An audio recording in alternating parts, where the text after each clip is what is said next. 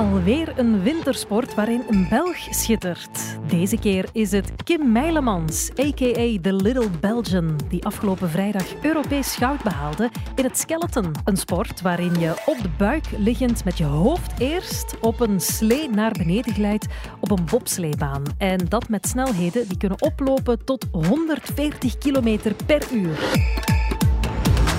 Welkom bij Sportza Daily. We starten de nieuwe week met een terugblik op die absolute topprestatie van Kim Meilemans. Een Europese titel in een sport die je eigenlijk niet eens in België kan beoefenen. Ze doet het. The final sled also perhaps a slight surprise. Although she was a bronze medalist 12 months earlier, initial disappointment as Mimi Reniva slack-jawed realised she'd won the race.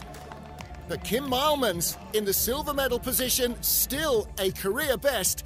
And she's also the European champion. Sunny Segolda, Hoe kom je tot die prestatie? En wat is het aandeel van Sport Vlaanderen daarin? Wat doen zij om haar te ondersteunen? Ik vraag het aan Kim zelf, aan haar physical coach Fernando Oliva en aan Hanna Marien, haar sporttechnische coördinator. Skeleton, dat gaat snel, heel snel. Maar gevaarlijk zou Kim het niet meteen noemen. Bah, dat valt mee. Eh, Mensen denken dat altijd. En ik snap waarom. maar eh, ik zeg altijd in België, iedereen fietst met, eh, met de fiets naar school, naar werk, in de steden. Eh, dat is één miljoen keer gevaarlijker dan wat ik elke week doe. Het is vooral de explosiviteit. Het is, het is een ins- inspanning van 5 seconden, niet meer, op een cyclische beweging. Daarna, de afdaling duurt ehm, een minuut of minder. Maar de, de, de, trilling, de spanning, de kracht of de, de, wat de atleet kan, moet verdragen is, is gigantisch. Daarbij gebeurt alles op een enorme snelheid. Dus dat betekent dat jouw lichaamsperceptie moet groot zijn, ook visueel. En jouw geheugen van alle bochten. Dus eigenlijk dat zijn heel veel eh proprioceptieven en cognitieve zaken die bijkomen. Je hoort de van Argentinië afkomstige Fernando Oliva. Ik eh, zorg dat haar potentieel kan op peil staan op het moment dat ze in competitie moet zijn. Dus eh, met andere woorden, ik ben al physical coach en probeer ik haar te ondersteunen alles wat noodzakelijk is om klaar te zijn om te presteren. Het Europees kampioenschap werd uitgevochten tijdens de Wereldbeker op de bobsleebaan van Segulda in Letland. Een, in de woorden van Kim, beest van een baan. Ja, zeg dat wel, ja. Ja, is een baan die ja, lange tijd niet in het circuit was. Eh, ik denk zeker in 20 jaar niet. Het is een enorm technische baan. Ehm, die vooral gebouwd was voor luge. En dat wil zeggen dat de bochten heel kort na elkaar komen. Ehm, dat je weinig rechte stukken hebt om, om dingen terug eh, te laten kalmeren, zullen we zo zeggen. En ja, vrij heftige combinaties van bochten. Dus het is echt een baan waar je weinig ademruimte krijgt of weinig eh, tijd krijgt om een foutje terug recht te zetten. Ehm, wat maakt dat veel mensen die baan niet zo super plezant vinden. Maar ik wel. En dat was meteen duidelijk na die eerste fenomenale run. Ja, de eerste run was, ehm, ja, was echt wel goed. Ehm, er was één klein foutje in 15, maar gelukkig heb ik het kunnen rechtzetten. Maar ja, het is een super moeilijke baan. Iedereen maakt er fouten, dus het is een beetje een game of least mistakes. En iets te veel fouten bij de Braziliaanse Nicole Silveira. Haar vriendin en ploeggenote die crashte tijdens haar run. Ze bleef gelukkig ongedeerd, maar zoiets moet toch in het hoofd kruipen. Ja en nee. Ehm, er was in de voormiddag een crash gebeurd die een pak erger was. Een Spaanse jongen die uit 11 echt een, een heel heftige crash ge- gehad heeft. Dat kruipt meer in mijn lichaam misschien, omdat dat echt een, een crash was waar ja, van alles had kunnen mislopen. Nicole's crash was een crash die, ja, we noemen dat de scorpion. dus waar je gewoon op je rug gedraaid wordt en dan terug kunt draaien. Dat is een heel frustrerende crash, maar gelukkig geen die pijn doet. Allee, pijn. Een beetje pijn wel, maar niet zo als, eh, als eh, ja, mijn crash toen met de blessure of de crash van die Spaanse jongen in de voormiddag. Die crashes zijn voor mij moeilijker om weg te steken, gewoon omdat het u doet beseffen uiteraard dat je met, met vuur aan het spelen bent een beetje. Die van Nicole, dat is vooral een van, eh, dat wilt je niet meemaken, omdat je gewoon alles, ja, alles verliest in die run dan door, door dat ene foutje uiteraard. Ondanks een iets mindere tweede run had ze toch nog net genoeg voorsprong op de concurrentie en was die eerste Europese titel een feit. Veerkracht en vechtlust. Twee woorden die Kim Meilemans kenmerken. Denk maar aan hoe ze een dik jaar geleden haar seizoen begon met een stevige crash die haar een gebroken enkel opleverde. Of de winterspelen van 2022 in Peking. Kan Kim Meilemans deelnemen aan het skeleton op de Spelen? Het is plots onzeker.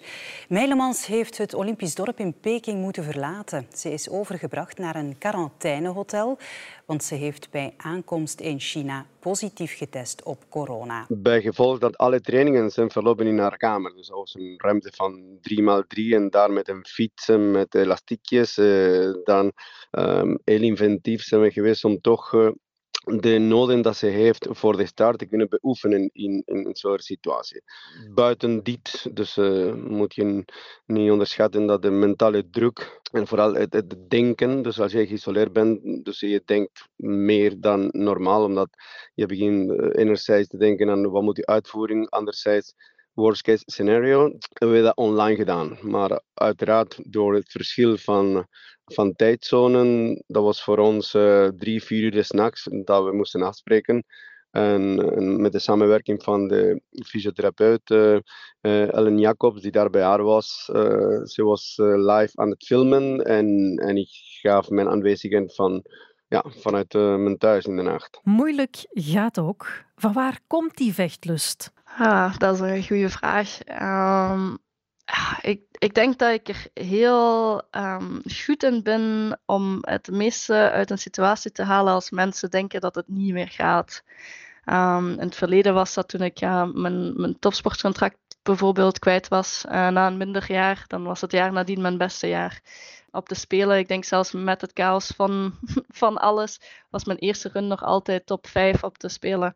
Um, dus ik denk dat er iets in me zit uh, wat graag um, I prove you wrong uh, momenten heeft. Um, en dat denk ik is met de enkelbreuk ook het geval geweest.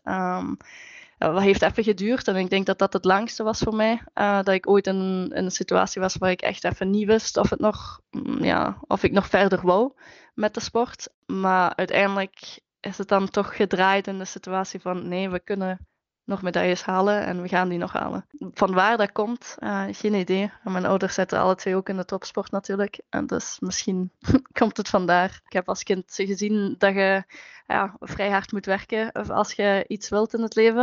Um, en dan mijn astma, ja, uiteraard heeft het niet echt gemakkelijk gemaakt om, om ja, thuis een normale situatie te hebben, omdat ik ja, thuis gewoon niet kon ademen.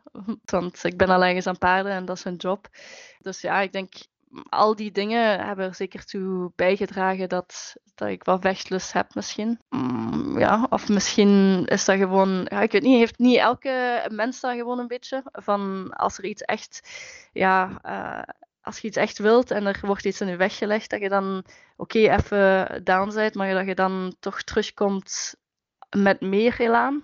Ik denk dat dat een beetje deel uitmaakt van het leven gewoon en ook uw leerproces. Ze beschrijft meteen ook een van haar grootste troeven als topsportster. Oplossing zoeken. Dus uh, zij is iemand die, uh, die altijd uh, van plan A kan makkelijk schakelen naar plan B of plan C. En in plaats van een dramatiseren over de situatie, accepteren wat er niet gaat en kijken wat er wel kan gaan. En de grootste troef is dat zij um, heeft een enorm gevoeligheid voor, voor iedere baan. En ook dat zij heeft um, een bepaalde motorische intelligentie om te leren zich bewegen op de manier dat meer efficiënter is voor haar. Dus uh, zij is uh, van natuur niet echt een, een, een, een, of iemand die kan goed springen, maar is wel iemand die technische heeft geleerd hoe kan ze zich uh, verplaatsen met minimaal afremmen of minimaal verlies van, van tijd. Ik bedoel, iedereen, iedere keer dat je je voet op de grond zet is een soort break, dus je remt af. Maar zij doet op een manier waarvan de, de contacttijd kort is en de verplaatsing groot is. Eigenlijk haar, um, haar um, inertie van de beginacceleratie super efficiënter is voor haar. Dat is natuurlijk van groot belang, maar ook hoe je ondersteund wordt. En Kim kan terugvallen op een geweldig team. Absoluut, absoluut. Ja, um, ja ik ben super trots op ons team het is niet evident in een sport als skeleton um, om als klein land zonder eigen baan um, goede prestaties neer te zetten. Omdat, ja, zoals in Formule 1 bijvoorbeeld ook, heel veel materiaal ehm, meespeelt in, in onze prestatie uiteraard. je moet de juiste runners hebben, je moet de juiste slee hebben. Ehm, en dat is heel moeilijk als je als klein land mee wilt doen, omdat je niet de budgetten hebt die Groot-Brittannië of uh, Duitsland hebben, uiteraard. Um, en daarom ben ik zo trots op ons team, omdat we ja, nu het tweede jaar in deze samenstelling werken en het echt gewoon ja, super goed werkt, maar ook gewoon een, een heel sterke connectie is tussen ons vier, um, die ons allemaal uh, uiteindelijk naar voren uh, pusht. Maar hoe zit het met de ondersteuning, de omkadering van de federatie? Uh, Sport Vlaanderen doet enorm veel. Uh, de Sport Vlaanderen zonder hun geld en BUC, dus Team Belgium, zou ik niks kunnen doen. aangezien sponsoring is ja, zo goed als nul. Uh, financiële sponsoring is nul. Dus ik heb 0 euro financiële bijdrage van sponsors. Dat zijn allemaal als producten of dergelijke, maar niet, niet een financiële bijdrage. Uh, dus heel mijn seizoen wordt eigenlijk bekostigd door Sport Vlaanderen en het BUC. Ehm, dus zonder hun zou het absoluut niet mogelijk zijn. En zij doen echt wel enorm veel. Um, maar ja, dat is natuurlijk een, een druppel op de hete steen in vergelijking met de grote landen. Um, maar dat is ook gewoon ja, de realiteit van de dingen en dat, dat kan ook niet anders. Hè. We hebben geen geen uh, ja, grote geschiedenis in deze sport of uh, veel know-how. Dus we moeten het doen met wat we hebben. En gelukkig werkt het nogal goed. En daar kan Hanna Marie over meespreken. Hanna, die in 2008 mee naar goud liep op de 4x100 meter op de Olympische Spelen in Peking, maakt op het einde van haar sprintcarrière de overstap van atletiek naar bobslee. Intussen is ze atleet af en is ze aan de slag als coördinator bij de Vlaamse Schaatsunie. Ja, dat is, dat, is eigenlijk al iets dat mijn hele leven al achtervolgt. Um, ik ben in 2014 gestopt uh, als bobsleester. En uh, toen uh, moest ik altijd overal horen, ehm, ja, België is geen wintersportland. We hebben geen sneeuw, we hebben geen bergen. maar ik denk dat we toch het tegendeel kunnen bewijzen. En de resultaten liggen echt al op tafel hoe kunnen we onze sporters wel begeleiden? En ik denk dat Sport Vlaanderen natuurlijk ook een hele belangrijke rol in speelt om die atleten te financieren, zodat die eigenlijk een heel jaar lang op buitenlandse accommodaties kunnen gaan trainen. Uh, want ja, die zijn er hier in België jammer genoeg niet. Dus Kim die zit eigenlijk onder de Belgische Federatie voor Bob- en Sleesporten. Ik denk dat hij een van de kleinste federaties is in België. Uh, die hebben vier actieve leden. Of het zullen er ons iets meer zijn, vijf. En er is ook terug een bobsleeteam op de rails. En uh, ik ben nu uh, sinds een jaar aangesteld als haar uh, sporttechnisch coördinator. Dus ik regel eigenlijk alles achter de schermen wat contracten betreft voor haar coaches. want zij is een individuele atleet. Maar als je gaat kijken wie dat er in haar entourage zit, ja, ik denk dat je die niet op één hand kan tellen. En ja, ik, ik, ik, ik stel een begroting op. Ik ga kijken samen met Kim en met Sport Vlaanderen wat we nodig hebben om een heel jaar lang, heel jaar lang rond te komen. En eigenlijk de bedoeling dat zij zich 100% kan focussen op haar sport en dat ze niet met al die uh, randdingen moet bezig zijn. Als je kijkt, hè, ze is nu Europees kampioen geworden. Uh, dat is een fantastisch gegeven, want meestal is het onmogelijk om op te boksen tegen landen hè, zoals Duitsland. Hè, die zijn oppermachtig. Uh, de budgetten zijn beperkt natuurlijk hè, met één atleet. Je kunt niet verwachten dat we een half miljoen euro krijgen ehm, van de overheid om, om één atleet te ondersteunen.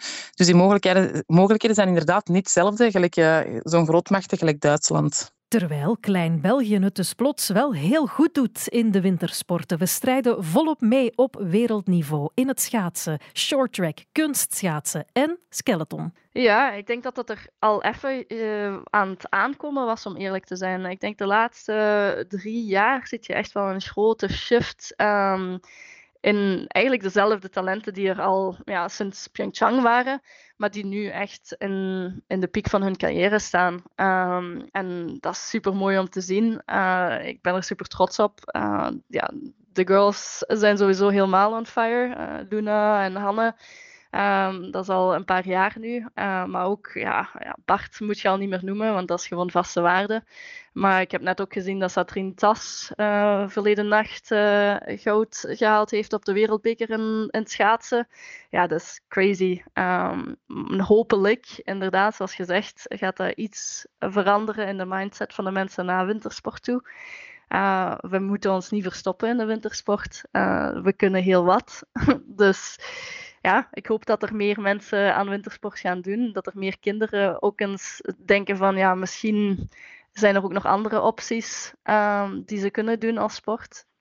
Dat zou natuurlijk mooi zijn, want anders gaat het verhaal natuurlijk met die talenten ook weer verdwijnen. En dat zou triestig zijn om te zien, denk ik. Dat kan niet de bedoeling zijn, maar ja, hoe dan? Of eerder, waar dan? Er zijn niet echt veel voorzieningen. En als je natuurlijk, ja, als, als morgen een meisje van 15 jaar zegt ik wil gaan skeletonnen, ja, dan, dan, dan moet je natuurlijk dan moet je hulp vragen aan de federatie. Maar de federatie heeft natuurlijk ook niet die, die middelen om ineens superveel mensen te laten skeletonnen. Dus ja, het is toch wel een beetje in het begin um, je eigen weg zoeken, omdat er ook niet echt, er is geen ontwikkelingsplan um, voor jeugd eigenlijk in skeleton, waarop zich misschien nog wel zou moeten komen. Um, dat zou misschien nog wel iets kunnen zijn als Kim ooit stopt als Skeletoni, um, dat ze ook uh, uh, mee in dienst zou kunnen zijn om uh, jonge talenten op te sporen en die te trainen, als daar inderdaad een sporttechnisch plan voor opgesteld is. Maar dat is op dit moment niet het geval. En daar kan een Europese titel ook niks aan veranderen? Goh, ja, dat is een beetje hetzelfde nu met het schaatsen. Hè. Dus door de successen hè, wordt er ook verwacht hè, dat er een lange baan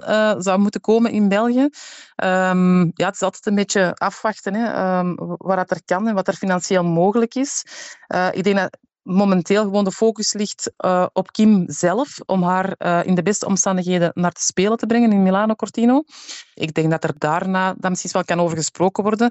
Natuurlijk zijn we dan wel weer een aantal jaar verder, maar de focus ligt nu echt wel op Kim. Laat ons dan inderdaad focussen op Kim, die binnen minder dan twee weken naar het WK trekt in Winterberg. Als medaillekandidaat? Ja, ik denk dat we na elke wedstrijd dit jaar met dezelfde instelling gaan zijn. En dat is dat we altijd kunnen meedoen voor de medailles. En dat is op het WK denk ik ook niks anders. Het is hetzelfde um, veld van starters. Um, dus daar verandert niet echt iets in. Wat natuurlijk ietsje minder is, is dat het op een Duitse baan is. Uh, en de Duitsers natuurlijk enorm sterk zijn in onze sport. Dus die gaan zeker wel zich willen bewijzen. Zeker nu dat het EK een voor hun tegengevallen is. Um, maar ja, ik kijk er naar uit. Winterberg is een beetje onze thuishaven ook, omdat het gewoon het kortste bij is. Um, dus ja, uh, we zullen wel zien. Ik denk dat het een super spannende wedstrijd gaat worden over die twee dagen.